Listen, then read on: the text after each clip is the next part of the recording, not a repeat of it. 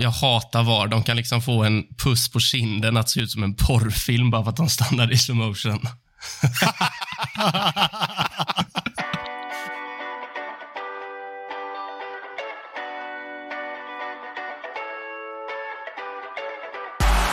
Manchester United score? They always score.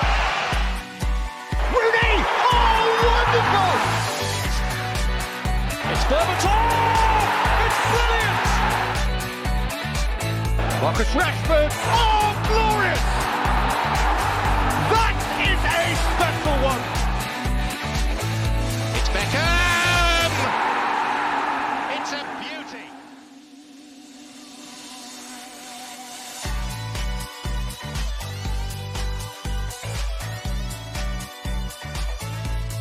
Känn er varmt välkomna till ett nytt avsnitt av United-podden. Podcasten som du inte visste att du längtade efter. United-podden görs i ett stolt samarbete med både den officiella skandinaviska supportklubben MUS och United-redaktionen på Svenska fans. United-podden är tillbaka och Mackan lika så. Hur gött är läget i höstmörkret? Du, läget är fan alltid gött alltså. Eh, inte mycket att klaga på. Eh, förutom att det är jävligt kallt ute. Eh, så jag har suttit och, jag har suttit och eh, varit eh, ovanligt jävla kall hela dagen. Eh, men nu har jag tagit en varm dusch, eh, så nu är jag verkligen uppvärmd och redo för lite podd här. Va? Fan vad gött. Efter att ha varit superpetad senast har eh, Micke Martinsson kastats in från start i podduppställningen igen. Hur eh, revanschsugen är du? Ja, det är ju inte svårt att gå in och glänsa med tanke på den skiten ni fick ur er förra veckan. det, det var svagt, men eh, mestadels beror det på han som inte är med i den här veckans avsnitt. Så jag tycker vi fortsätter och, med den följetongen att eh, Gustav tycker allt jag gör är svagt och jag tycker allt Gustav gör är svagt. Så får vi det sagt också. På något sätt måste det sägas i varje avsnitt numera. Ja, alltså det är ju några så om man skulle låta AI gå igenom våra avsnitt så först och främst skulle ju ordet svagt typ toppa. Och eh, sen skulle nog kallt, förjävligt och eh, typ komma tvåa och trea. Den är Ja. Mackan stark på att trycka in. Två plus eh, ligger också väldigt, väldigt bra till tror jag. Ja, har vi någon lyssnare? Ska vi göra en shout till någon lyssnare ute som kan eh, omedelbart och snabbt och fiffigt eh, sätta något jävla verktyg på det där? Ja, det vore ju tvärgött. Ranka topp fem vanligaste orden som United-podden använder sig av alla deltagare. Det, det tror jag nog någon kan sätta upp riktigt snabbt och gött. Fan vad fint. Får vi in ett eh, gammalt klassiskt stockholmskt äh, så Gustav ligger ju högt då också tror jag. Den ska Ja. han fan ha. Det ska han verkligen ha. Den, den, den har jag inte riktigt tänkt på att han kör ofta, men det gör han verkligen.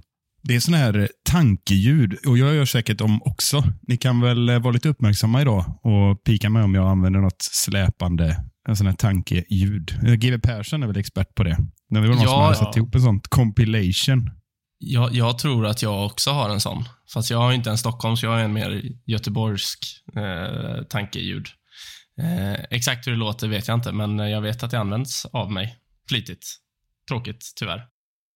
Men Adam, eh, förutom att läget är säkert bra med dig, det är sekundärt, men du har väl aldrig använt ett sånt ord? Du är ju typ en levande AI när du pratar.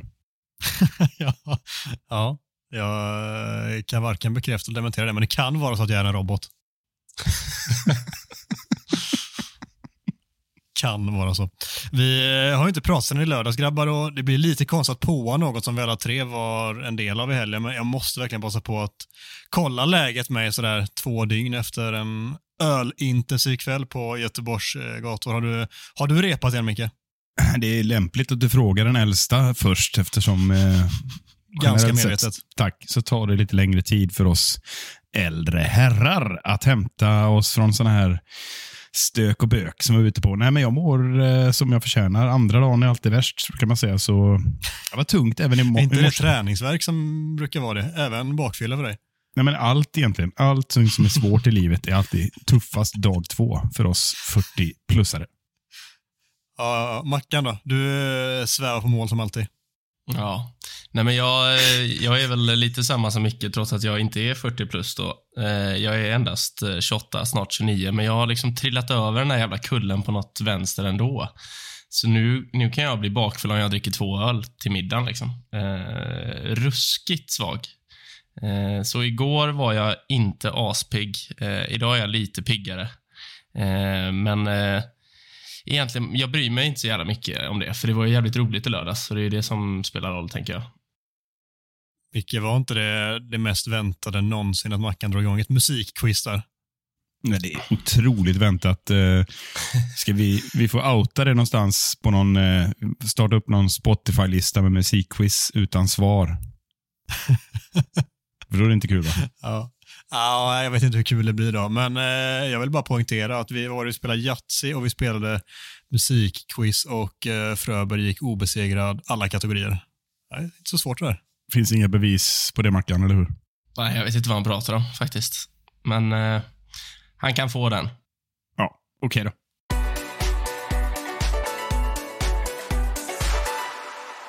United tog en ny jordskredsseger med hela 1-0 när Luton Town gästade Old Trafford och har plötsligt vittring på de där topplaceringarna igen. Det firar vi givetvis med eh, veckans macka som Mackan river av lite sådär gött som bara han kan. Ja, eh, och jag vill eh, disclaima här lite på förhand att jag skulle ju egentligen inte ha varit med i det här avsnittet, så jag har ju liksom lagt tankeverksamheten på is sen våra, våran ölhävartävling där i lördags. Eh, så det här kommer 1000% på uppstuds. Förmodligen har jag fel i allt jag kommer att säga, men eh, det är så det blir. Kan du konservera det här klippet eh, som Mackan säger nu? Så kan han inleda alla veckans macka med det. För det Jag tycker det stämmer ju- in på alla veckans mackor. konstant helt genomuselt förberedd. Men du är ändå duktig ändå. Det är det jag vill säga. Tack. Ah. Tack, tack. Ah, Nej, men jag, jag tänker att eh, eftersom vi vann igen då, så hoppar vi väl in i det positiva först. Det är kul. det är kul. Och vinner man med 1-0 hemma mot Luton, då är det fan inga offensiva spelare som ska hyllas. Det ska gudarna veta. Eh, så vi, vi tar väl mittbacksparet rakt av här då. Jag tycker Victor Lindelöf och eh, Harry Maguire är bäst. Eh, vem som är bäst är eh, Harry Maguire. Eh, Lindelöf eh, blir väl näst bäst egentligen för att han avgör. Eh, och det pushar upp honom plats. Eh, sen tycker jag att han ser lite mer stabil ut än vad han har gjort i sina insatser som eh, vänsterback, vilket, eh, vilket också är väldigt rimligt. Men eh, det var ett steg i rätt riktning för Viktor och eh, kul att han fick göra mål. Första målet på nästan tre år, tror jag. Eh, men Victor Lindelöf näst bäst, Harry Maguire bäst eh, i svag konkurrens, som vanligt. Hur lite håller du med Micke? Jag måste erinra mig här, förra veckan var inte Maguire uppe och svajade där på någon av platserna näst bäst då bäst, också? Bäst, tror jag. Ja. Det var helvete. Vad är det som pågår, Mackan? Jag vet inte, men det är ju lite som vi var inne på det här eh, Gustavs teori där om Freds prestationer under Ragnik, att han har inte blivit längre, det är bara alla andra som har krympt. Eh, och lite så är det med Harry Maguire just nu också. Jag tycker inte att han... Eh, Ja, han har ju blivit bättre också. ja, men jag, jag tycker liksom att han, eh, han, är, han är absolut eh, mer stabil, men jag, jag har så svårt för de här jävla, ursäkta, tjommarna där ute som liksom som drar så enorma slutsatser att nu är Harry tillbaka. Liksom. Han, har gjort, eh, han har gjort fyra ganska bra insatser och det är kul. Eh, men eh, han är ju också bäst för att eh, de flesta andra är ganska dåliga. Ja, jag vet inte vad, vad jag tycker om det. Han gör, han gör en stabil 3 plus-match, tycker jag. Och om det räcker till bäst, det, det kanske det gör, men ehm, det är ju som du är inne på ett kraftigt underbetyg till offensiven. Det är väldigt svårt för mig att sitta och gräva fram någon Eh, och säga att Bruno gör en bra arbetsinsats igen. Det håller ju inte liksom riktigt i konkurrensen. Så att, nej, med det sagt har jag väl inte jättemycket att invända mot, även om jag tycker att Lindelöf ska ha ett extra plus för att han eh, har sinnesnärvaro och dyker upp där. och ja, Det är ett distinkt avslut, va? rätt upp i nättaket. Mm, det är verkligen så här. Vi satt ju där när vi kollade matchen alla tre och prata om, var Mackan slängde ut sig att typ han har gjort var det tre mål totalt typ i United eller något sånt innan och sen så såklart är det fem minuter senare han som gör 1-0 också. Det kändes symboliskt på något sätt. Verkligen. Med det sagt så tycker jag att någon som ska ha en liten shout också som kanske blir svår att trycka upp på de, de två första placeringarna med tanke på att det blev så pass lite speltid. Men jag tycker Mason Mount ska, ska ha cred för sitt inhopp. Jag tycker dels att det kanske ser ut som att han är så mycket bättre än vad han är i inhoppet för att Eriksen enligt mig var riktigt, riktigt svag de minuter han spelade innan han skadade sig och tvingades byta. Men jag tycker att Mount kommer in och bidrar med någonting helt annat. Han är både finurlig med bollen och det går så otroligt mycket snabbare både med och utan boll egentligen alla aktioner, vilket gör att han behöver inte göra en jätteinsats och ändå så tycker jag att det ser väldigt mycket bättre ut och spelet går något snabbare, vilket vi skriker efter på det mittfältet, särskilt när McTominay och Eriksen är de som ska stå för speluppbyggnaden, för det går fan inte undan då. Så att få in Mount där, även om han skjuts upp lite högre när han kommer in, så tycker jag att det gör skillnad och det är kul att se att han står för de prestationerna, vilket jag tror bara kan liksom byggas på och eh, förhoppningsvis bli så pass bra att han är inne i startelvan inom kort. Ja, alltså jag håller med. och det Man längtar efter att Mount ska få en eh, hel match att liksom eh, komma igång. För det, det är ofta ganska svårt att eh, hoppa in i en sån position. Jag säger inte att det är lätt att hoppa in på en kant eller på topp, men oftast är det lite lättare eh, när du behöver fokusera lite mer högre upp i plan. Eh, jag tycker dessutom att han hamnar i en roll som han borde gilla. Eh, lite uppe, till, uppe bredvid Bruno, mer eller mindre. Eh, även om jag har samma förhoppning som Ten Hag har, att vi får se en Mount stabilisera mittfältet och framförallt bidra med de egenskaperna han har som ingen annan har på det mittfältet, nämligen transportera boll och vara extra både i omställningar men även kanske i lite dödlägen kunna komma ur situationen med fart. För det är som du säger, de andra på plan, minus möjligen Bruno på det där mittfältet, har ju inte det i sig. Och Det blir lite knepigt tycker jag när McTominay får gå ner eh, och inte riktigt komma till sin rätt.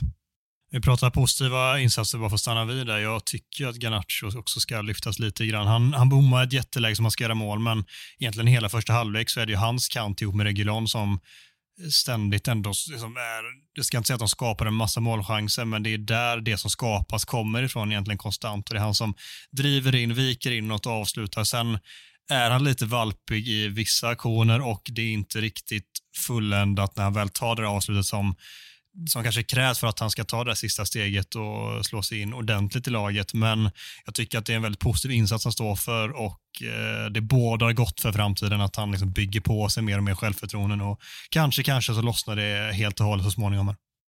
Ja, ja han har väl, eh, ja, kommentera bara, han har väl något läge där som jag kan tycka mig ha sett en liten röd tråd nu, att han har satts upp i rätt hyfsade lägen några gånger i år och har problem med ja, inte bara första touch, utan ibland andra touch. Alltså beslutsfattningen egentligen. Han är, kommer i skyhög fart, får bollarna fint serverade till sig. Jag vet inte vem det var som slog ut den till honom, om det var Höjlund som frispelade honom eller hur det var, men jag tänker liksom att det där måste han slipa till för arbetsinsatsen och som du är inne på, börja hitta kombinationer och börja liksom kunna använda sina styrkor. Men eh, att missa, säga att han är uppe i liksom fem, sex sådana där lägen nu som jag tycker han borde ha gjort bättre av i år. Det är inte så bra. och det finns fler i det där anfallet som har liknande eh, track record i och för sig. Då, men eh, jag håller med dig om att det, det, börjar, det börjar likna någonting i spelet, men eh, i avslutningarna så måste han fan höja sig. Alltså. Så är det. Mackan, du ska få välja ut den som du tycker ska höja sig allra mest. Vem har du landat i där? Uh, nej, men jag, dels håller jag med dig om Eriksens eh, uh, 40 minuter på plan är ju eh, väldigt, väldigt dåliga. Uh, men jag tycker nog fan att Rashford förtjänar den här platsen och då jag tycker att han liksom fortsätter se så jäkla obestämd ut och allt han gör ser väldigt tveksamt ut. värderar också ganska dåligt kontinuerligt att eh, spela svårt när han ska spela lätt och tvärtom. Och, eh, jag, jag, tycker att hans friläge han får när, när Antoni av alla människor gör en bra aktion och spelar fram till, eh, till det jätteläget så tycker jag att det summerar hur han mår på planen just nu. Liksom. Det, det, går inte att bli servad på ett bättre sätt. Han kommer upp till vänster i, i, i straffområdet och det är bara att lägga dit bredsidan. Det är öppet mål i bortre. Men så ska han ta ett halvkast, eh, en halvkast första touch och så ett svagt avslut rätt på målvakten. Eh, så jag tycker att han är faktiskt eh, riktigt jävla dålig i lördags. Ja, det, det, det är klart att han är den som är sämst enligt mig också, men så det, det, jag sitter där så blixtrar han till varje typ tre gånger kanske i matchen där man ser vad fan nu kanske någonting händer. Det är någon så här aktion där han bara viker in från högerkant och man känner nu jävlar nu kanske det händer något och så blir det ingenting där och sen står han för inspelet till det vill han stå för inspelet till Höjlund också som Höjlund ska göra mål på. Det är sådana situationer som man känner att han hade mått så bra att bara få liksom någon poäng, någonting bara sitta och sådär. Och sen är det ju han som står för inspelet som det blir retur på, typ som Lindelöf drar in. Så på något sätt är han inblandad i målet, men det är inte tillräckligt med tanke på vilka förväntningar vi ska kunna ha på en spelare som Marcus Rashford så är det, det är för dåligt och det är jävligt tråkigt att se och jag sitter bara där och hoppas och väntar och längtar att det ska lossna för det kommer det göra. Frågan är bara hur lång tid det tar och för Uniteds del så måste det komma snart för annars så kommer det kosta för mycket den här säsongen. Ska påminna oss också om eh, Maguires lilla wedge-chip fram där till eh, Rashford. Det är en hyfsad känsla i den. Vad säger du Mackan? Det är ingen wedge, det är ingen wedge uh, chip där inte. Det är en uh, shankad driver typ som råkar hitta rätt liksom. bara tur. det är det mest golfiga jag hört. Shankad driver, sa du? Ja. Eller en jävla felträff som jag brukar säga. Men eh, vad heter det, jag vill haka på lite där med Rashford.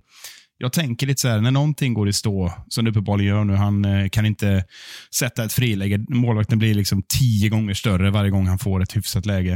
Eh, kan han inte då fortsätta på det spåret som han gör där, aktionen, eh, när han rusar ner på kortlinjen och slår in bollen stenhårt? Eh, förvisso tar det på någon jävel som eh, ställer Höjlund lite grann eh, kanske från att göra mål. Eller så har den inte tagit på honom då ens. Jag vet inte, men jag menar just den typen av aktioner som han kan göra i sömnen med sin snabbhet. Ta det hårda jobbet, gör de här löpningarna, spela lite uppoffrande så kanske det löser sig istället för att bara stampa på bollen och vara helt genomusel genom att det ska gå så långsamt. Tänk att en så snabb spelare kan spela så långsamt. Det funderar jag ofta på när jag ser Rashford. Ja, det, det är fascinerande. Bara stanna vidare, vi pratade lite om Höjlund där. Hur, hur orolig ska man vara över att han fortfarande inte har gjort det där Premier League-målet? Vad känner du, Mackan? Eh, jo, men lite ändå. Alltså, jag... eh, jag, jag, vet inte. Alltså, den här matchen, där ska han ju göra minst ett mål och jag tycker att han borde nog ha gjort mål mot City också när han får friläget från halva plan där. Eh, det som inte oroar mig så mycket är att han gör så mycket annat rätt, så det kommer ju komma. Eh, det är det man önskar att man kan säga om till exempel Rashford. Eh, Sen har han ju fått väldigt dålig service, kan säga, kontinuerligt eh, i Premier League-matcherna. Så jag är, jag är inte jätteorolig, men det är klart som fan att han nog behöver spräcka den Premier League-nollan ganska snart för sig själv också. Bara så att han eh, för mål kan han göra, bevisligen. Eh, det är bara att man ska göra det i ligan också.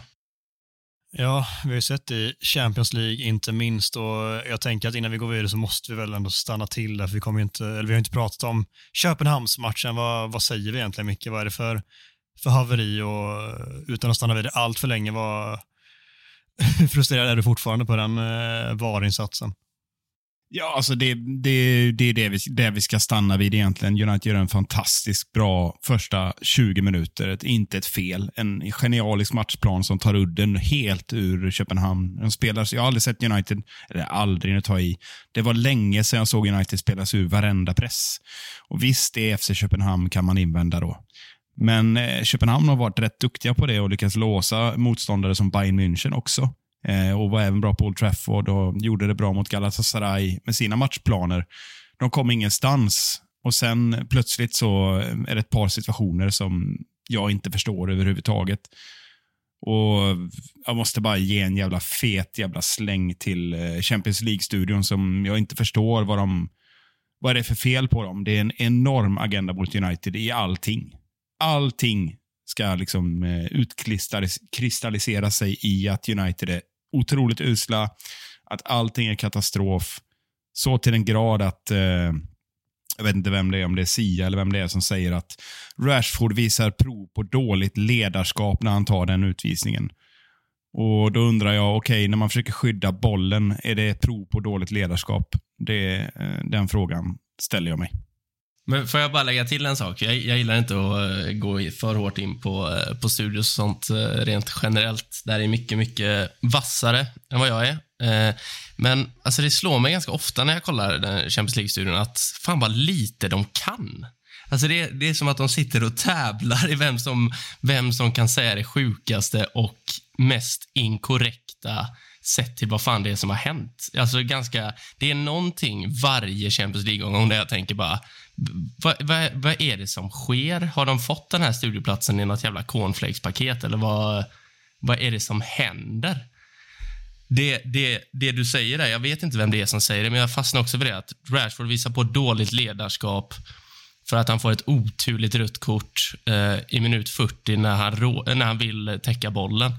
En sak om han liksom hade sparkat ner någon i knähöjd och eh, bara gått därifrån. Eh, jag, jag är fan med dig helt där på Champions League-studion. De, de får höja sig. Alltså, samtliga inblandade där, det är alldeles för jävla dåligt. Ja, och jag skulle väl ändå påstå att det finns, utan vi behöver sitta och recensera människor här live, men det är klart att det finns ett mått av fotbollskunskapen i den där studion. Om du slår ihop alla hjärnor så nog fan kan man fotboll i grund och botten. Men det jag sitter och funderar på är om, om liksom det har utvecklats så. Det kanske generellt sett, eh, så är det väl överallt nu, att det ska tillspetsas så till den milda grad. När det finns ett narrativ att driva, då ska, det, då ska man verkligen du ska gå igenom, du ska bottna i det. Liksom. Man får inte avvika ifrån det. Och när United gör liksom bra delar, och det är inte bara United, nu kommer inte jag på något annat här bara för det, ta ett annat exempel, men man har ju sina favoritlag och det heter ofta, och låt oss säga då att lag lite längre söderut på jordklotet får ofta lite mer kärlek i den studion. Det kan man fundera lite på. Men eh, det finns en aversion mot England, det är det jag inte jag vill säga. Men eh, generellt sett så har jag lite svårt för när man naglar fast eh, perspektivet så pass att det liksom måste bara hamra in det. Det spelar nästan ingen roll. Därför är det ju julafton, ett sånt lag som United torska mot Galatasaray, torska mot Köpenhamn. Och Jag tänker inte sitta här och säga att United har haft lite otur i Champions League. Det är inte det jag säger, men så in i helvete jävla uselt har det inte varit. Och Det är absolut situationer som har missgynnat United och då har jag så otroligt svårt att se varför man inte kan titta lite mer objektivt på det i situationerna. United har ju till majoriteten satt sig själva i en situation i Champions League-gruppen nu med föregående resultat och insatser etc. etc. Men med det sagt, alltså att, som du var inne på, United spelar riktigt bra den här matchen i ganska stor del av den innan det här helt felaktiga röda kortet kommer och efter det så får de en bjudning till. De får ett mål där en spelare står offside. De får en straff som gör till 2-2. Får med sig hela arenan. Sen får United en jättebillig straff tillbaka sen. Tack för det. Men hade inte de två första skett så hade United cruisat den matchen i mål och vunnit med 3-0. Och vi hade stått här och haft ett hyfsat utgångsläge. Det var allt i egna händer inför ett eventuellt avancemang från gruppen. Så, så allvarligt talat, det, det låter sjukt men jag lägger så, så här, jag lägger allt på VAR här. Hatar VAR. Ja, och samtidigt så visar United också, nu är det en utvisning och det, absolut, det är ofta ganska utslagsgivande, så är det ju. Eh, och ändå gör de en ganska bra match med eh, få man på plan eller färre man på plan. Men jag håller med dig. Det är ju för många märkliga eh, misstag och här måste jag hålla med om mannen som jag hånat ganska hårt eh, sen han kom till Tottenham. Men Postis Per, eller Postekoglu, har faktiskt eh, helt rätt i, sin, eh, i, i, sin, sina värderingar när han säger att den här fotbollen vill inte jag se i alla fall. Vi ska stå och vänta en kvart på varenda jävla grej. Och Det ska letas upp saker och frysas en bild på när Rashford kallblodigt mördar en spelare, enligt enligt studion och tydligen varummet också. Då. Alltså, det, den diskussionen är evighetslång och folk är trötta på att höra det, men vi ska väl ändå göra klart eh, en gång för alla att eh, vi avskyr VAR i den här podden.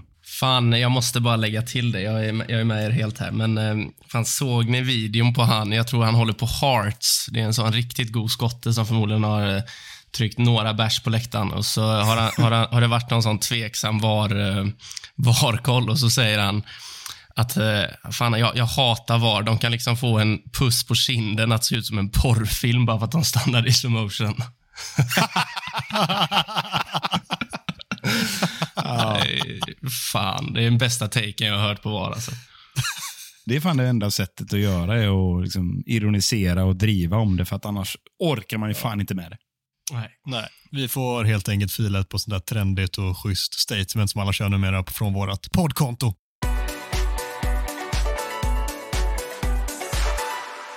Succésegmentet Talk of the Town är tillbaka med tre stycken påståenden med aktuella ämnen som vi helt enkelt diskuterar huruvida det är sant eller inte. Veckans första lyder så här. Harry Maguire är numera första valet bland mittbackarna. Och eh, vi låter Micke börja med den tycker jag. Ja, vi pratar lite om Maguire här nu och han har nämnts väldigt ofta i allt mer positiva ordalag och det kan man ju tycka är lite kul. Han behöver inte vara som Mackan nämner hejaklacksledare i det här och det där är väl inte jag heller, men ska man... Eh, ska vi ge oss på någon jävla form av ranking här eller vad, vad tänker vi? Ja, men kör då. Börja du. Ja, men jag tänker att, eh, ska vi då utgå ifrån exakt nu nollläge eller en framtid när alla är friska? Nej, men just nu. Tvingar du mig just nu så är det inte så många att välja på och då är han nog fan där uppe på toppen, Harry, och eh, seglar. Och det trodde jag nog jag aldrig skulle säga. Så eh, tvåa blir då en allt mer trasig varann, så jag tänker mig kvalar in på rena meriter här. Kommer in och spelar 20 minuter, drar baksida lår och gör ändå bättre än Lindelöf som bara är tre här då. Och sen Johnny Evans har inga, inga lår kvar snart. Så att, eh, jag vet inte, vad har vi ens för fjärde alternativ? Har vi något? Ja, det är väl de fyra vi har va? Ja, Marti, min, min favoritspelare någonsin, minus Beckham. Någonsin. Han är ju snart tillbaka och käkar upp allihopa, men eh, där har ni min ranking. Ja. Snart tillbaka efter, var det jul, nyår någon det ryktas om. Vad, vad säger du om den här rankingen Mackan? Håller du med om den? Nej, men jag tror Ten Hag håller med om den. Fast jag tror, eller nej, det gör han nog fan inte ens det. Man har nog bytt plats på Varan och Lindelöf där då. Eh, men jag eh, tycker ju att Varan är vår bästa mittback. Eh, ganska klart, sett till hans egenskaper och allt han gjorde förra säsongen, eh, så tycker jag att hans egenskaper eh, passar detta laget bäst. Eh, det tycker inte Tenag, eh, men det tycker jag. Eh, och sen är det väl på något jävla vänster hugget som stucket där på Maguire och Lindelöf. Eh, så, alltså så, här, så länge inte de två spelar tillsammans, för jag får liksom såna sjuka stresspåslag när eh, Maguire och Lindelöf spelat ihop. Alltså, de hade kunnat möta, som eh, Micke skrev på Twitter, här, Halifax Town hade de kunnat möta och det hade fan sett svajigt ut. Alltså. Eh, men eh, jag säger väl Maguire tvåa och Lindelöf trea och det är ju bara grundat i eh, dagsform. Då. Eh, Varann ett, Maguire två, Lindelöf tre. kommer jag med den avgörande domen och jag säger så här, jag håller med dig Mackan om att Varan egentligen är den spelartypen som absolut kvalificerar bäst och som är den bästa spelaren i grund och botten av egentligen alla våra mittbackar. Men eh, gör jag en power ranking just nu den här säsongen så tycker jag att Maguire varit bättre och eh, då blir han etta, Varan tvåa, Lindelöf trea och sen Evans om vi nu ens räknar med honom med tanke på att han också är skadad så får väl han fjärdeplatsen då. Det eh, låter väl som att det var precis som du sa också Micke. Ja, Ja, vi är fa- facit som vanligt. Då blir det så. Nej, men alltså det här är ju ett... Jag vill ändå dra en lans för mig själv som vanligt. För det är ingen annan som gör det i den här podden. Jag, jag sa ju för typ eh, ish, vad kan det vara, fem, sex veckor sedan att vi har en mittbackskris. Och Det är en begynnande mittbackskris som vi ska hålla oss korrekta hur vi uttrycker, uttrycker oss här. Inte begynnande Letchkov, men en begynnande mitch, mittbackskris. mittbackskris. Eh? Mitch Buchanan kommer in i bilden här också. We're looking for freedom. Där måste du slänga in en briljant låt alltså. Ja, den kommer här.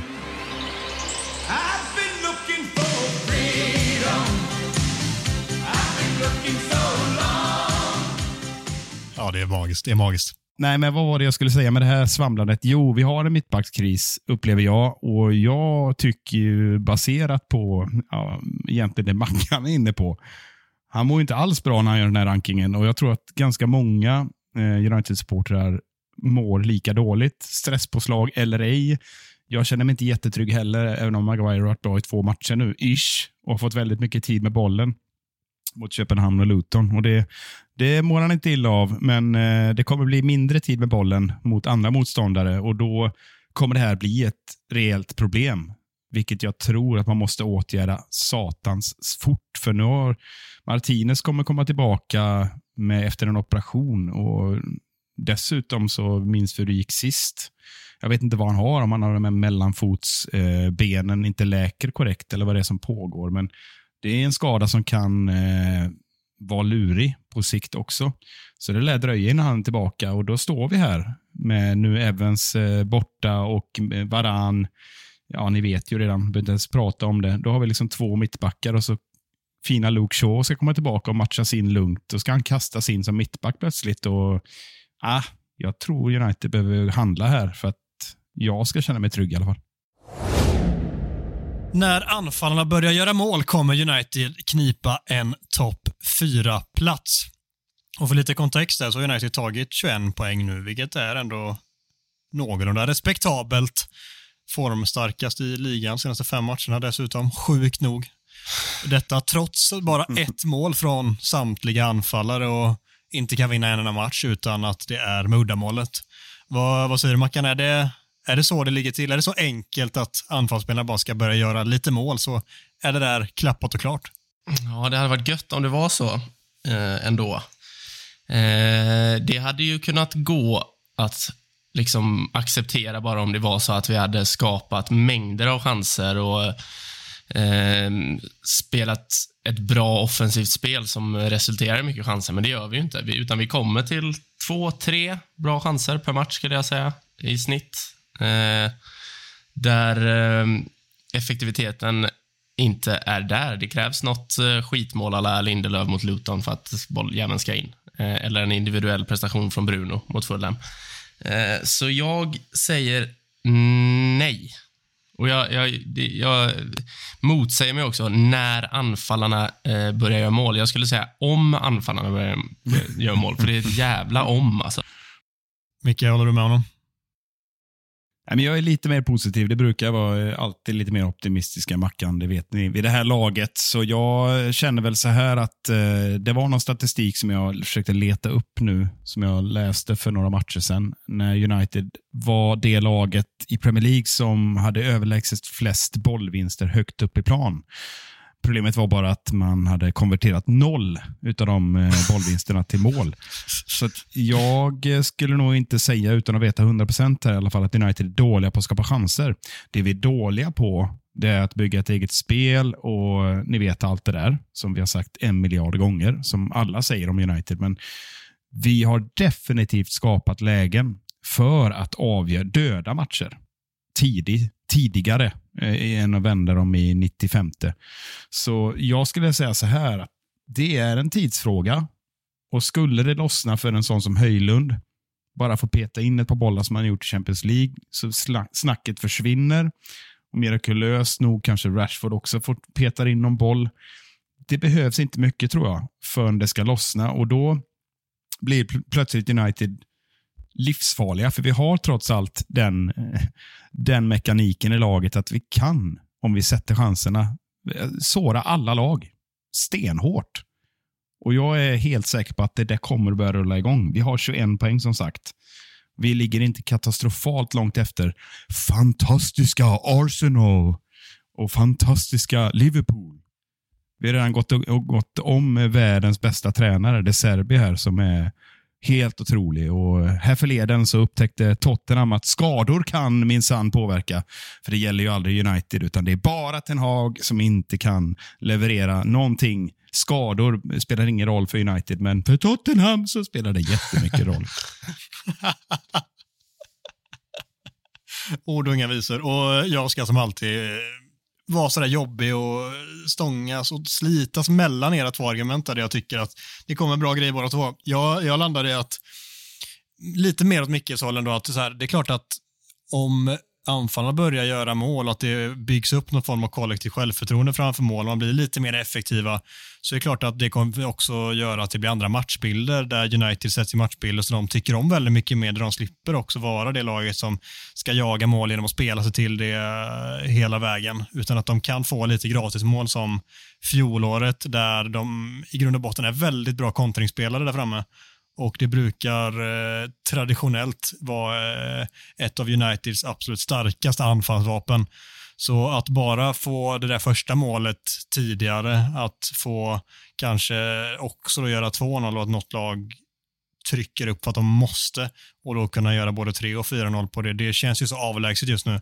Men om kanske Höjlund då råkar knä in den där i första halvlek istället och sen sätter Garnacho sitt friläge som han får kort därefter ni fattar, liksom. det är klart att det kommer liksom fylla på med självförtroende för alla och laget kommer spela bättre. Och jag tror på riktigt att det skulle kunna vara skillnaden mellan en topp 4-plats och där United är just nu. Problemet är att jag inte tror att det skulle räcka till att United är där vi vill att de ska vara, Nej. utmana om titeln. Men jag tror att just att anfallarna och anfallsspelarna börjar göra mål kan vara det som är tungan på vågen för att det ska lösa sig med en Champions League-plats. Men det är inte där vi vill vara nu. Det är inte där vi ska ha ambitioner här nu egentligen. Nej, innan du kommer in här Mackan, för jag vet att du vill bemöta det här, då vill jag fylla på med lite mer ammunition till det här. Jag, jag tänker ju liksom så att eh, jag vill heller inte det här. Alltså att vi ska spela ungefär som vi gjorde förra året. Fram till ligacupfinalen som du brukar säga. Men, men eh, jag vet ju tyvärr, eller vet, jag tror tyvärr rätt starkt på att vi kommer inte få ordning på det i år heller. Och då är det bättre att försöka spela efter truppens styrkor det Ten Hag vet att han kan få ut det här laget. Han fick ut det förra året. Ett lag som ingen vill ha omställningar emot sig på. Alltså det, är, det är väl typ bara Liverpool, när vi funkar som vi ska, ska jag säga då, som är nästan värre att tappa bollen mot. Det bara smäller. Och Jag tror tyvärr att vi kommer få liksom hanka oss fram med den spelidén. Kanske några matcher blixtra till med något, vad vet jag, någon gång så kommer det se lite bättre ut såklart, men jag tror inte vi kommer komma i mål med Ten Hags plan i år.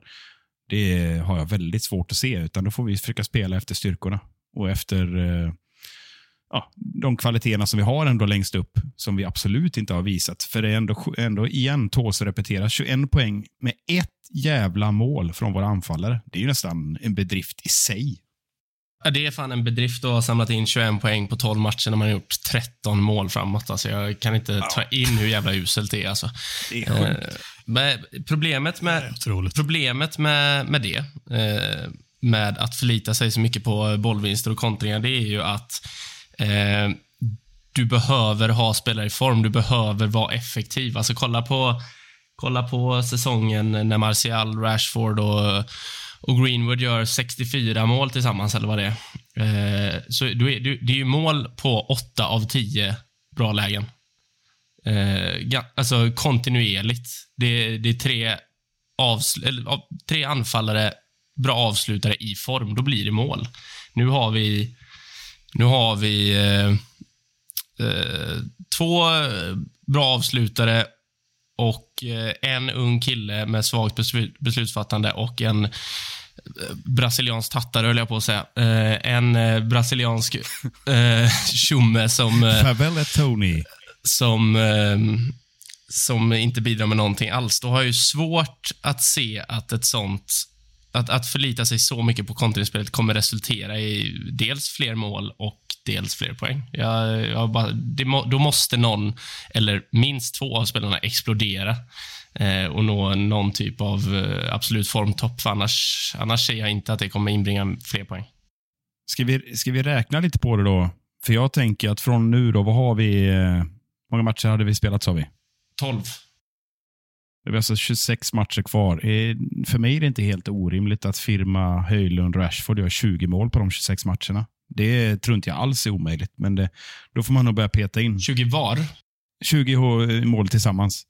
Att de, att de har det i sig, den firman, det, det ser jag som... eh, Och sen om det räcker är en annan sak. Vi behöver ju liksom fördubbla målskörden framåt om vi ska ha något med CL-plats att göra såklart. Det går inte att hanka sig fram. Det är klart, håller man nollan och vinner med 1-0, fine, men det, det är inte hållbart naturligtvis. Men jag, jag tror inte alls det är omöjligt. Och varför inte börja mot ett eh, Everton som är inte speciellt bra borta. Det är väl perfekt att börja två plus två där. Innan vi går vidare, vi pratade lite om det här i, i lördags när vi tog varsin kall öl. Pratade om ett visst bett som ni två har mot varandra kring Alejandro Garnacho. Mm. Vad, vad är status på det? Och vad var det ni hade lagt den berömda linan på? Mackan bara väntar in mig här. Ja. Ja, men jag kan ta den, för jag känner mig ganska trygg där också såklart. Eh, nej, vi sa ju eh, 20 poäng i alla turneringar, vill vi lägga till här. Han är i steket nu, Garnacho, och ligger på 1 plus 1 helt enligt plan, skulle jag vilja säga. Och eh, Med det snittet så gångrar man det med pi och eh, lägger till eh, en fiskgratäng, så blir det helt enkelt 20 poäng. Ja. Ja, men då är det 18 poäng till då. Det ska väl han lösa? Ja, det är 100 matcher kvar, minst det. Eller vad är det? Det är art- 18 poäng till från Garnacho. Annars ska Micke sjunga Runkeball av eh, Eddie Meduza i säsongsavslutningen. Och eh, Så var det ja. det ser jag fram emot alltså. Det är en jävla bra låt ändå. Det är ganska lätt att hålla den i takt också.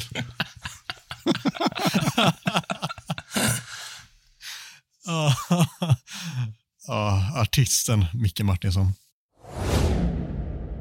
Vi har veckans Town Hall kvar där vi såklart ska gå igenom förra veckans eh, påstående som lät så här. Rafael Varan som 30-åring har fortfarande en stor, viktig roll att fylla i det här lagbygget. Och där röstade ni ja 36,1% och nej 63,9%. Alltså tycker jag nästan 64 procent att eh, Varan fortfarande inte har en stor och viktig roll att fylla. Vad säger du om det, Micke? Jag är inte så överraskad, även om eh, ska inte döma ut eh, alla våra kära lyssnares eh, kunskaper här, men eh, det känns som man ofta tar beslut baserat på de sista matcherna. Men sen har han ju sin skadehistorik också. Gjorde en jättebra säsong förra året som vi belyste tidigare. Men jag är väl inte jätteöverraskad. Eh, och vad tycker jag själv då egentligen? Eh, ni pratade lite grann om honom senast, om man ska sälja. Gustav sa tacka nej till 35 miljoner pund. Det hade jag nog tackat ja till, eh, om jag ska svara på det. Så att, men ändå så känner jag att gör han sina 20 matcher med alla matcher vi ska spela, med alla hans egenskaper och erfarenhet, så skulle jag säga att ja, han har fortfarande en stor viktig roll att fylla i det här laget. Men jag förstår varför man svarar nej här. Mackan, vad har vi fått för schyssta kommentarer från våra kära lyssnare? Som vanligt har vi fått en del bra faktiskt. Eh, och jag tänker att eh, jag lyfter två av dem. Eh, vi börjar med Mattias Krekula eh, som skriver Även om man är den bästa renodlade försvararen så kan man inte förlita sig på en spelare med två till tre längre skador varje säsong. Trots att han matchas försiktigt. Dessutom är han svag med bollen, dålig ålder och tjänar mycket. Sälj vid första bästa tillfälle. Ord och inga visor där. Åh, ja, hårda bud i Mellerud där från Mattias Krekula. Eh, och sen har vi vår nya gubbe här i podden då. Grill Mahmoud. Som... eh, Jävla ja, idol alltså. fan, jag älskar det användarnamnet alltså. Det är också starkt att han eh, har någon typ av grillbricka som profilbild också som... Ja, det ser gött ut. Men i alla fall, han skriver följande. Varan är en mittback i världsklass, men då han tyvärr blir skadad varannan gång han klipper tånaglarna så håller det självklart inte i längden att bygga runt honom. Vi måste få in en till mittback i världsklass som kan spela i princip varje vecka och ha kvar Varan som backup. Ja, jag håller med 100%. Det är en briljant analys av Grill Mahmoud. Ja, men det är också, det är också lite kul att han sågar honom i fem rader, men sen kommer han ändå fram till slutsatsen att vi ska ha kvar honom som backup. Det är, ja, det är gött. Ja. Skadad varannan gång han klipper tånaglarna. Det, det var kul. Då går vi över till veckans Town Hall där vi ska kika in i varsin eh, spåkula. United kommer sälja minst två spelare i januari. Vad säger fingertoppskänslan här, Micke? Blir det två stycken minst? Jag skulle säga, jag tror faktiskt det. Jag tror att det blir tre till och med. Och nu tar jag väl i då när jag säger säljas, för eh, Jadon Sancho kommer man ju på ett eller annat sätt göra sig av med. Jag har svårt att se ett lån, för under Ten Hag lär han väl inte ha någon framtid. Så jag tänker att eh, får man ett bud, om Dortmund är sugna att köpa tillbaka för eh, ett Netflix-abonnemang, två Fanta och en eh, Quattro Stagioni så tar de det. Det är alltså eh, eh Henrik Schyfferts sätt att säga 400 000 miljarder euro. Men eh, fick jag sagt det också? Nej, jag tror faktiskt att Sancho kommer lämna eh, till en liten peng. Vi får tillbaka någonting. Jag tror också att Donny van de Beek, om vi bara stannar där, var fan är han någonstans? Ja, jag har helt glömt att han finns. Alltså. Han, han är på samma skala nu för mig som BB. Jag vet, jag vet inte ens om han existerar. Alltså. Alltså, jag tror han springer runt i någon sån här, som statist i typ Barna i Bullerbyn, Astrid Lindgren-saga. Han ser ju ut som en sån Didrik eller något. eller vad heter de? Alltså, fullständigt golvad. Jag har glömt av att den människan existerar. Sam. Äh, va? Va? Vad, vad gör han? Hur mår han? Äh, jag tror inte han mår så bra och därför tror jag att han mår jättebra att komma hem till sitt Ajax igen och styra upp dem, för det var helvete vad dåligt det går där borta. Så eh, jag eh, kommer med en utfästelse. Han kommer säljas tillbaka till Ajax för typ 10 miljoner pund och sen eh, kommer det att lösa sig för Donny. Om det löser sig för Ajax, det låter vi andra experter svara på. Jag har fan ingen koll, men dåligt går det i alla fall. Och Sen vill jag bara skicka iväg en till. Sorry Mackan, men nu är det dags för Martial. Och jag ser bara ett alternativ för vår älskvärda fransman. Han får åka ner, eh, flytta in i något sånt här 8000 kvadratits palats med marmor överallt, eh, typ i öknen någonstans. Eh, jag ser framför mig att han kommer lämna för Saudi, eller motsvarande. Det är jag nästan helt säker på. Det, vi ska ha med oss säga också att det av allt att döma kommer vara en ny sportslig ledning på plats också till det här fönstret om inget eh, sjukt händer innan dess med tanke på de väldigt, väldigt trovärdiga uppgifterna som finns gällande att Sir Jim Ratcliffe kommer in och köper 25 procent av United och får det sportsliga ansvaret. Mackan, tror du att det blir minst två spelare som har lämnat United när januarifönstret klappar igen? Ja, men det tror jag. Eh, det är kul också. Jag har suttit och liksom räknat på vilka det är som kan, kan lämna här och faktiskt helt glömt att van de Beek som sagt existerar. Eh, och nu när han ändå gör det så eh, är jag nog fan villig att höja den här linan till att minst tre spelare säljs. För jag tror, eh, tror till och med att vi kan få se fyra spelare lämna. Men Ska vi göra det live då? Ska vi höja linan till tre nu när vi fick reda på att Donny van de Beek existerar också? Ja, jag funderar fan på det alltså. Men jag, Fotbollsfilosofiska rummet diskuterar Donny van de Beeks möjliga existens. Ja, jag som enhällig härskare säger att vi höjer linan till minst tre spelare. För Micke var inne på det, Mackan säger det också. Det kommer vara typ 95 procent som säger ja annars. Ja, gött. Men då, då säger jag att Donny säljs... Eh, fan, om han eh, säljs till Ajax eller typ någon så här Go Ahead Eagles eller något sånt riktigt sjukt eh, hipsterlag i Holland. Eh, men lämna gör han. Eh, Jadon Sancho eh, packar väskorna och flyttar till Saudi, tror jag. Eh, jag tror inte någon europeisk klubb eh, dels har råd med honom eller dels att de ens vill betala det eh, som skulle krävas eh, för att United ska släppa honom. Eh, sen tror jag tyvärr, min kära Anthony Martial. Eh, det är fan tragiskt att se honom nu när han kommer in. liksom. Alltså jag, jag, jag älskar honom så gränslöst mycket, men fan vad tråkigt han har när han spelar fotboll. eh, jag tror att han checkar ut. Endast 28 år gammal, va? 28 år i december tror jag han fyller. Eh, men han checkar ut från den europeiska scenen och flyttar till Saudi eller Qatar eller vad fan man nu flyttar. Och så tror jag att Rafael Varan lämnar.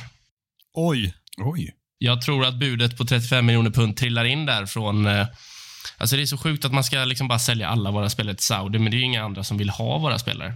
Eh, så jag tror att eh, Al Hittiyad pungar upp och så lämnar vår kära fransman och så ersätts han av en annan fransman vid namn Jean-Claire Todibo. Och så var det med det. Ändå starkt att har ett namn till och med på klubben som kommer köpa honom. Eh, ja, Micke är ju expert på de här saudiska klubbarna annars. Eh, men jag, jag, har några i, jag har några i minnesbanken. Ja. Ja, du ska mycket. Ja. tre säger Micke och fyra säger Mackan. Eh, ja, det, det är så, alltså när ni nämner alla de här spelarna så är det så svårt att säga någonting annat än att tre i alla fall kommer lämna. Det känns ju helgjutet att både Donny och eh, Sancho ska göra det. Sen så här, jag är fan inte helt hundra på att de hittar en försäljning för, eh, för Sancho i januari. Att det kanske blir någon form av lönedeal med ett typ Juventus eller vad 17 det nu handlar om. Liksom, som, som tar över honom säsongen ut och så hittar de någon annan mer permanent lösning i sommar. Lite beroende på status på det ena och det andra. Men eh, att han inte är kvar i United, det kan vi ju slå fast med all önskvärd tydlighet efter det fönstret. Och där har vi två stycken och sen eh, det känns som att, alltså också med det som jag sa innan här med att eh, Ratcliffe kommer in med den sportsliga ledningen, de kommer vilja sätta eh, och göra avtryck ganska omgående. Och därför känns det som att väldigt många hänger lös. Jag är övertygad om att Martial kommer lämna också. Och att de tre gör det, det vågar jag nästan ta gift på att de inte är kvar i United när, när januari är över. Sen tror jag att Varan blir kvar så, säsongen ut och att eh, typ en Toribo eller dylikt eh, snarare landar i sommar. Men eh, varför inte växla upp ordentligt och eh, satsa rejält om, eh, om man har möjlighet till det och att de spänner musklerna här. Det, det tror jag vore eh, egentligen så här, logiskt för dem och bra för United med tanke på att det behövs in lite eh, energi, lite eh, kvalitet i den här truppen som kan kanske få igång också det dödköttet som blir kvar. Så ja, det blir tre stycken då. Vi alla tre säger att det blir minst tre. Mm. Överens.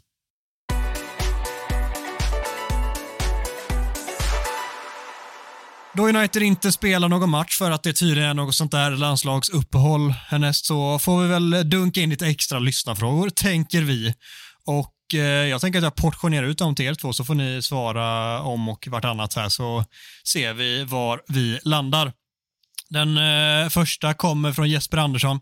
Kan firman Evans Maguire skapa Premier Leagues tröttaste mittlås? Vad säger du Micke?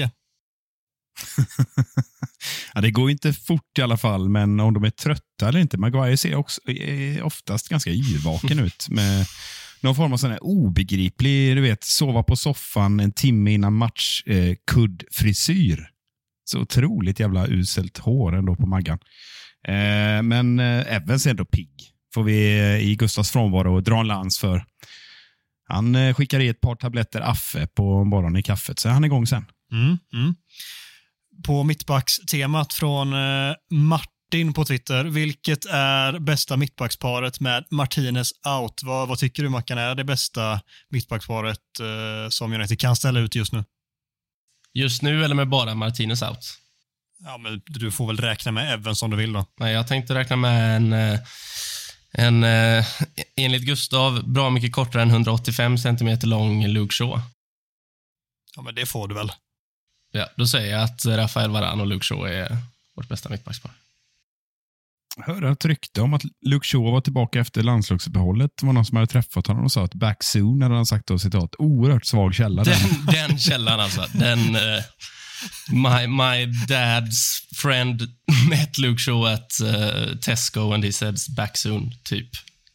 Är det den? Ja, det är underbart. Han såg ändå nöjd ut. Trind ut. Trind. Det är fan Luke Shaw. Han är trind, alltså. Jävla king. Ja. Det är Karlsson på taket och Luke Shaw, de är trinda. Jag vill bara säga det snabbt att det mittbacksparet, när de spelade ihop eh, under fjolårssäsongen, den perioden, det funkade också väldigt, väldigt bra. Så eh, jag köper det valet. Sen eh, var det en liten skarv med tanke på att han är tillgänglig just nu, men vi kör på det. Nästa fråga. Den går till Micke, FPL Controller. Kommer vi någonsin vinna en match med mer än ett mål igen? Hur ska man i så fall vara redo att fira att det händer? Nej, alltså... Ja, återigen så finns det ganska stor förståelse kring varför den här frågan kommer just nu. Och eh, Jag sa ju redan det innan, slappna av nu FBL Controller för mot Everton borta så blir det nämligen 0-4, Höjlen 2, Rashford 2. Hur du ska ta emot det? Ja, alltså du får ju typ tänka dig att du eh, spänner fast dig på något sätt så att du inte kan skada dig själv i och med att du kommer att eh, hamna i någon så här oklar eh, spasm efter eh, United har gjort sitt andra mål i den 28 minuten. Timestamp på det. Så nej, men tänk på att du, du tar undan allting som kan vara vasst och du kan skada dig på och så, så spänner du fast dig i din sträckbänk så löser det sig. Snyggt. Filip Olsson skriver så här, man kan som du får svara på. 100 miljoner euro från Saudi för Bruno i sommar. Ska man ta det budet? Nej. Inte ens för 100 miljoner euro. Nej. Filip Olsson själv tycker att man ska göra det. Han tycker så här då, spela honom centralt så skapar han överlägset mest för sig själv och andra. Men ska han tvingas att spela på högkanten, där han inte alls lika bra, då kanske man bara ska ta budet. Ja, men det, kan- det kan jag hålla med om, men eh, jag tror inte man kommer... Eh, jag, jag tror inte att Bruno till höger är någon typ av långsiktig lösning, utan eh, han ska stanna. Så Ja, blir fan, det. alltså. Spelar han till höger så är inte ens Todd Bowley köper loss han för 100 miljoner euro. Nej, sant. Det ligger någonting i det. Vi kör en sista fråga här från en Micke till en annan Micke. Micke Österdahl skriver så här. Formstarkast laget i ligan plockar in poäng på täten i rasande takt. Snart kommer nästan hela laget tillbaka från skador också, så även där ljusnar det om vi bortser från att Eriksen, Evans och Höjlund gick sönder förra veckan. Nummer 21 2024 måste vara en självklarhet. Och då menar alltså inte att Anton inte kommer in och dominerar, utan menar den 21 ligatiteln då. Om jag bara, Så är det verkligen. tolkar det rätt här. Eh, ja, men det är väl klart. Eh, som sagt, eh, vi vrider upp linan på Garnacho till 400 poäng och sen är vi där. Det är inte svårare än så. Nej.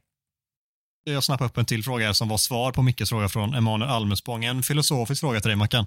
Spela dåligt och få poäng eller spela fin fotboll men tappa poäng? Vad hade du valt?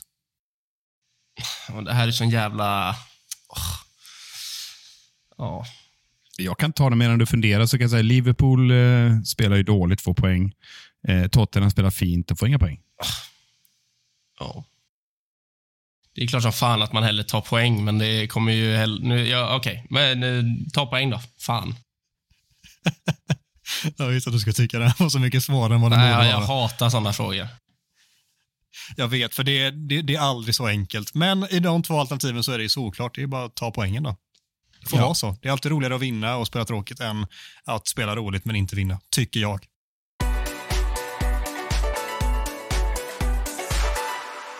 Vi ska alldeles strax avslöja vår stora vinnare till eh, vårt eh, tävling som vi har kört på X här under en veckas tid. Men innan dess så har vi en lång, lång följetong som vi slutligen har fått svar på. Det är vår kära lyssnare Henrik Ros som eh, heter Ormtjusarkorg på X och eh, förra veckan så efterlyste Gustav Kulle för andra gången en förklaring till detta otroliga namn som har trillat in på vårt Instagram-konto. Här har vi svaret från Henrik Ros och jag säger bara så här, knäpp fast bältet. Hej på er! Ni anar inte hur bra den eh, prepubertala incidenten som drabbade Mackan i introduktionen passar in här. Ursprunget till namnet ormtjusarkorg kommer från en makalös liknelse som skedde när jag själv var pubertal. Det var tidigt 2000-tal och vi satt fem grabbar i en av mina kompisars pojkrum. Tänk er urtypen av grabbigt med samtal lika woke som Ulf Brunnberg. Efter en kväll med varsin hel mexicana, den tacoinspirerade pizzan, och en och en halv liter vaniljkola per gubbe öppnar min polares farsa dörren. Lastbilschaffis till yrket och med oöverträffad sinnesnärvaro. Han hittar omedelbart nyansen i sin beskrivning av lukten när han häver ur sig de för mig bevingade orden. Oj, grabbar, ni måste lufta ibland för här inne luktar det ormtjusarkorg. Det ordvalet är bland det roligaste jag har hört.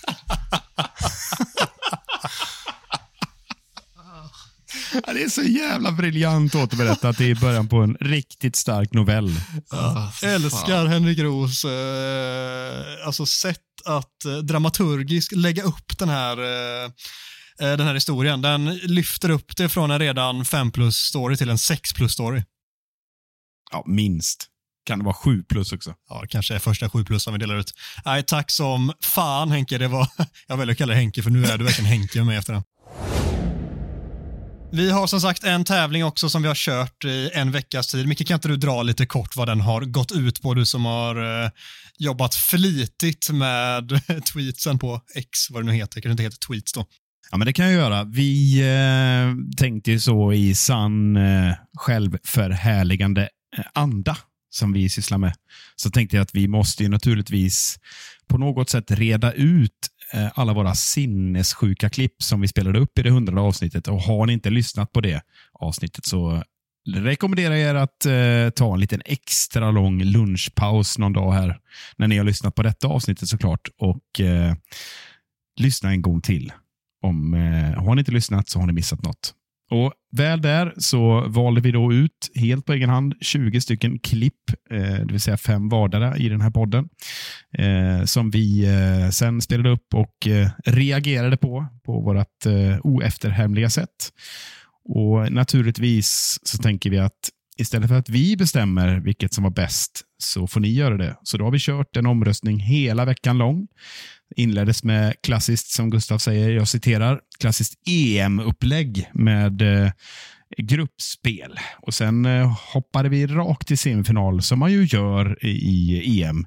Men nu när man utökar till 16 000 lag så vet jag inte hur de kommer ta sig an EM-upplägget. Men eh, det här är alltså, märk väl, ett gammalt klassiskt EM-upplägg. Och Semifinalerna gick av stapeln då här fredag och lördag och sen röstades fyra stycken kandidater fram till finalen som gick av stapeln här i söndags. Mm. Och eh, i denna final så hade vi de här fyra bidragen som var... Den första var Mickes julelva. Den andra var Shaws längdexperiment. Nummer tre var En tom chipspåse. Och nummer fyra var Freudianskt experiment. Och eh, till slut, efter en, eh, vad som länge kändes som en asjämn omröstning så var det ett av alternativen som stack iväg och vann till slut och eh, efter denna trumvirveln presenterar vi det. Vinnaren är Mickes julelva. Det är du värd en liten applåd Micke. Vackert. Mycket bra. Ja, herregud. Hur känns det? Ditt påfund som eh, kliver hela vägen och vinner den här eh, dramatiska striden. Nej, jag tänkte faktiskt inte det när jag skapade den eh, efter ett par, tre whiskypinnar. Inspirerad av, eh, han ska shoutas igen här nu, Per Texas Johanssons eh, årliga julälvor, så ni får hålla ögonen på, för han är ju vassare än mig på det. Men med lite hjälp där så kom jag igång och jag tänkte väl inte riktigt att jag jag skulle ha någon chans här mot till exempel Shaws längdexperiment som åtminstone, ja, det måste vara 400 högskolepoäng bakom den, det vill säga Gustavs utbildning som är gedigen. Eh, jag tänkte jag har ingen chans mot den, men eh, uppenbarligen så uppskattar fler lyssnare totalt hjärndöda julreferenser. Ja, härligt. Jag såg att vi idag faktiskt fick in eh, från Zigzag som tyckte att vi inte ska göra årets julelva nu, utan årets djurelva. Vad tycker du om det? Ah, jag vet inte, jag är inte så stark på djur. Det får fan Mackan ta i så fall. Jag tyckte... Du kollar mycket Ett med naturen. Ja, det gör jag ju. Jag, eh, det var ett ganska roligt svar på den eh, eh, som jag fastnade vid lite här. Eh, Ja. Ja, det där svaret då, så att du inte ska sitta och, så inte du ska sitta och leta all evighet. Man kan ta jag och läser upp det svaret istället som har det framför Ja, mig. bra, Det är bra. från eh, vår eminente lyssnare Sir Lorden som skriver så här. Eller varför inte årets naturelva? I mål planterar sig Fabien Barträd med Japp Trästam framför honom. I mitten lägger vi ut en Sofian Am-rabatt som besudlas av Jonathan Hare Greaves. David Beckham rinner längs högerkanten.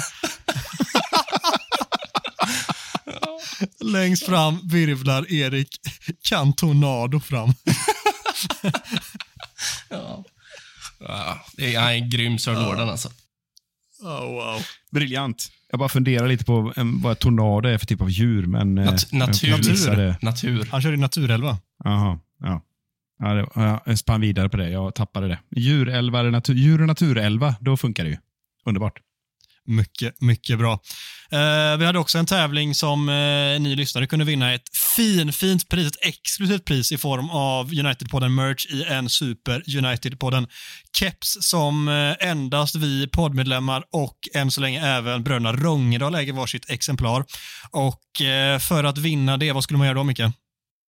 Ja, men då skulle man ju naturligtvis rösta och framför eh, framförallt kommentera och motivera vilket klipp som förtjänar att vinna minst en gång. Det vill säga både i gruppspelet och i slutspelet. Och Det var det en hel del som gjorde. Det var ett jäkla engagemang här genom veckan. Det var underbart att läsa, måste jag säga. Jag gillar också att det var eh, några sköningar som slängde in tre, fyra bidrag också som, alltså det ena överträffade bara det andra. Superhärligt engagemang, jättejätteroligt att läsa alltihop. Eh, vi ska också göra så att vi läser upp dem, vi har ju utsett en vinnare gemensamt i podden här utefter motiveringarna, men vi kan lyfta upp eh, några av de främsta i alla fall tycker jag. Vad, jag tänker att du Micke ska få lyfta upp ett av dina favoriter till att börja med, vad har du landat i då? Nej, men naturligtvis så eh, får vi fortsätta att ösa beröm över mig själv här. Igen så eh, kommer det inte ske på många avsnitt nu, så jag går på the moment just nu och nämnde Henrik Ros. Eh, är ganska klar här när han eh, skriver så här. För mig är det rivstarten med David de Genesarets sjö som tar mig varje gång. Otroligt namn, men leveransen sker med så hög grad av tveksamhet av Micke att det blir ännu roligare. Ja, jag tycker det ändå var kul, eh, kul formulerat och eh, visst var jag tveksam för jag var ju livrädd vad ni skulle säga. Du, det sitter verkligen kvar i dig hela, liksom, hela segmentet hur osäker du är på hur vi ska ta emot alla namn som du har snickrat ihop. Ja, någonstans runt Ryan Glöggs så fick jag ändå självförtroende kände jag. Ja, det är min favorit, Ryan Gluggs. Mackan, har du hittat något eh, som du vill lyfta in här innan vi avslöjar vinnaren? Ja, men jag, jag har en god här av eh, Jens Ek. Tycker jag är stark. Eh, stark rent generellt på Twitter, Jens, måste jag säga. Eh, men han, eh, han skriver, jag röstade på det freudianska experimentet. Utav den anledningen att en man som kan få igång tarmsystemet på sin kompis ska belönas med seger i detta samt vinsten av ett Nobelpris. Sen, se vad vi har fått av detta experiment. Två covers av låten, en solo och en kärleksduett. kärleksduett. Ja, det är fint ändå. Ja. Ja, vi har faktiskt eh, dessa urstarka bidrag till trots och en uppsjö med flera till som vi helt enkelt inte har tid att läsa upp nu. Så har vi en vinnare och jag kommer läsa upp motiveringen först som den här vinnaren har slängt in och sen så avslöjar vi namnet. Men jag tror att du som har skrivit den känner igen den. Så här lyder den. Mäta med tändsticksaskar har allt sin snits, även en julelva med en och annan dålig ordvits.